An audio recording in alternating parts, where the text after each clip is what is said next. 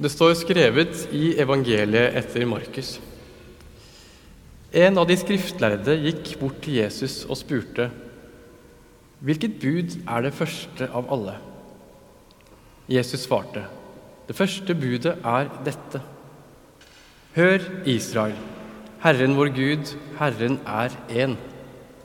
Du skal elske Herren din Gud av hele ditt hjerte og av hele din sjel og hele ditt sinn og all din kraft. Det andre er dette. Du skal elske de neste som deg selv. Ikke noe annet bud er større enn disse.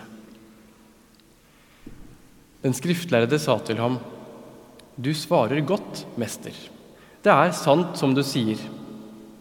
Herren er én, og det er ikke noen annen enn Han å elske ham av hele sitt hjerte og av all sin forstand og av all sin kraft, og å elske sin neste som seg selv, det er mer verdt enn alle brennoffer og andre offer.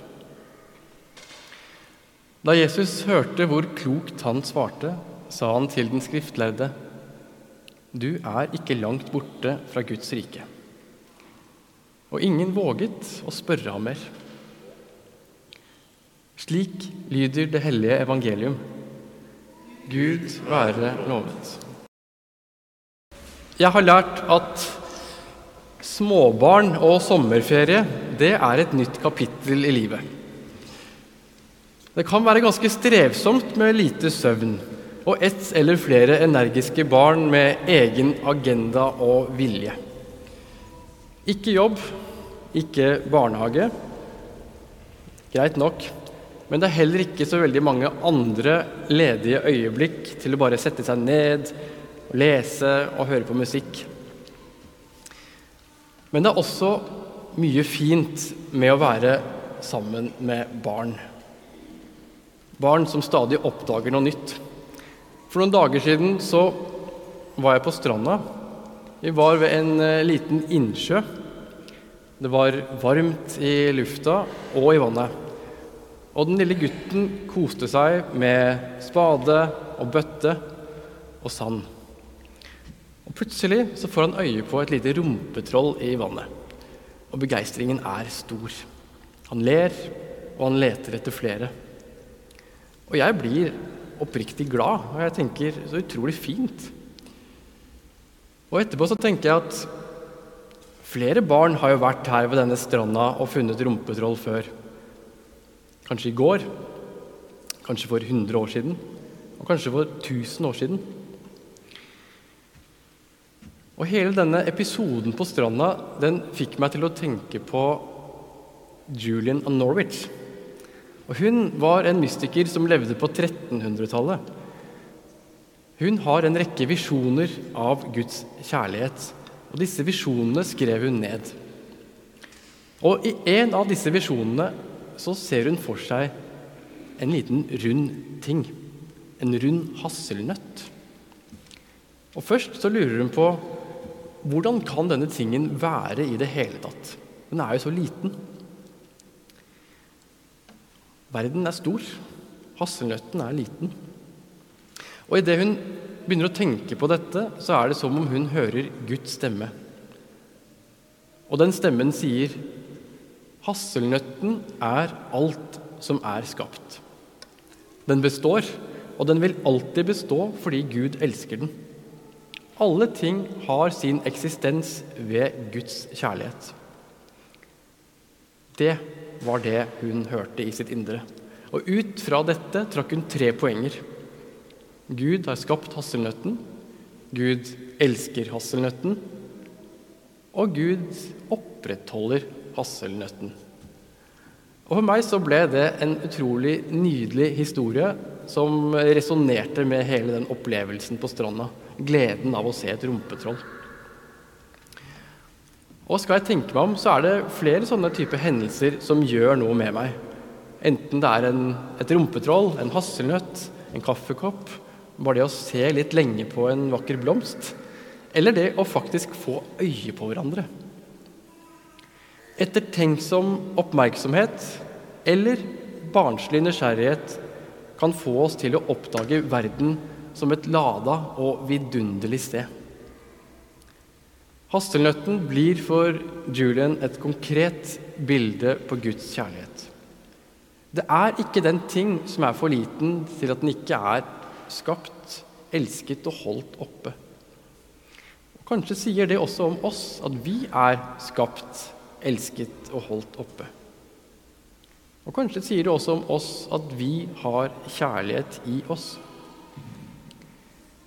I dag har vi hørt koret synge, og jeg lese en tekst hvor Jesus sier at vi må elske Gud og elske hverandre som oss selv.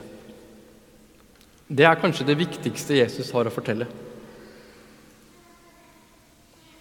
Jesus taler ofte i lignelser, men akkurat dette med kjærligheten det kommer som et bud. Så viktig er det at ordene må tydelig frem. Man må sikre seg at det ikke blir misforstått.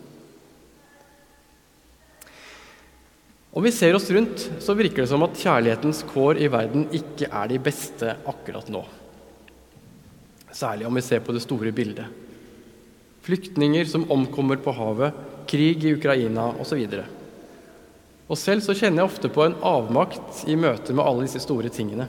Disse sammenbruddene. For jeg opplever at jeg får ikke gjort så mye med det. Men hva kan vi gjøre da? Jeg tror vi må starte helt i det nære. Jeg får ikke stoppet krigen i Ukraina, men jeg får tatt min tørn med det barnet som er våken på natta. Så er det noe med å komme forbi den passiviteten som rammer mange av oss. Kjærlighet er ikke en idé vi viser oss enige i ved å dukke opp i kirka, men det er en måte å leve på hver dag. Kjærlighet handler om hvordan vi dealer med konflikt. Det handler om å skape forbindelse, connection, med hverandre og de vi møter. Og Når Jesus forteller oss hvem vi skal elske, så gjør han det med å fortelle oss at vår neste er den som tror annerledes. Vår neste er den som kommer fra et annet sted. Det betyr at kjærligheten kan ta oss ut av vår komfortsone og inn i noe som kan være både fremmed og annerledes. Vi kjenner igjen kjærlighet når vi ser det. Vi kan se det i en hasselnøtt, om vi er anlagt på den måten. Vi kan se det i et barn, men vi kan også se det mellom oss. Og vi kan helt sikkert kjenne det i kroppen når kjærlighet rettes mot oss. Det er en form for positiv energi som gjør oss trygge, frie og mer oss selv. Samtidig erkjenner jeg, og de fleste av oss, at vi ofte kommer til kort. Lite søvn, stress på jobb, blindsoner i egen personlighet men vi faller ikke ut av Guds kjærlighet selv om vi roter det til. Det er det dåpen handler om. Du er min sønn, den elskede, i deg har jeg min glede, sier Gud til Jesus i dåpen. I dåpen blir vi tatt imot. Vi blir eh, pakket inn i vann og liv og kjærlighet. Det er det samme som skjer hver gang vi går til nattverd. Der blir vi tatt imot slik vi er med det vi ikke får til, og alt det vi tross alt har fått til. Hvis Gud elsker hasselnøtten, så elsker Gud også meg og deg. Særlig på de dagene vi trenger det mest. Men kanskje må det en hasselnøtt, et rumpetroll, en blomst, et smil, et vennlig ord, en rydda oppvaskmaskin for å få oss til å se eller gjenoppdage at hver og en av oss er skapt, ønsket elsket og holdt oppe. Det er en eldgammel innsikt at å elske Gud og vår neste egentlig er to sider av samme sak. Det handler om å se Gud i den andre. Gudskjærlighet, gudstjenester og åndelighet er derfor noe som er ment å sette oss i bevegelse utover mot hverandre. Mange av dere har sett filmen 'Pay It Forward'. den kom jeg til å tenke på i går. Fordi den handler om en dominoeffekt av gode handlinger.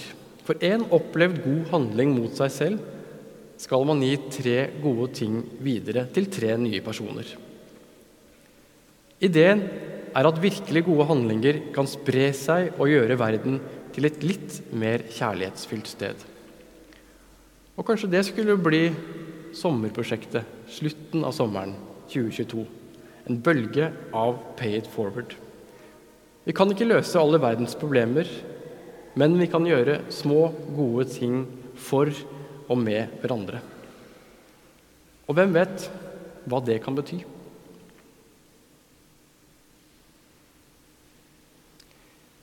Ære være Faderen og Sønnen og Den hellige ånd, som var, er og blir en sann Gud fra evighet og til evighet. Amen.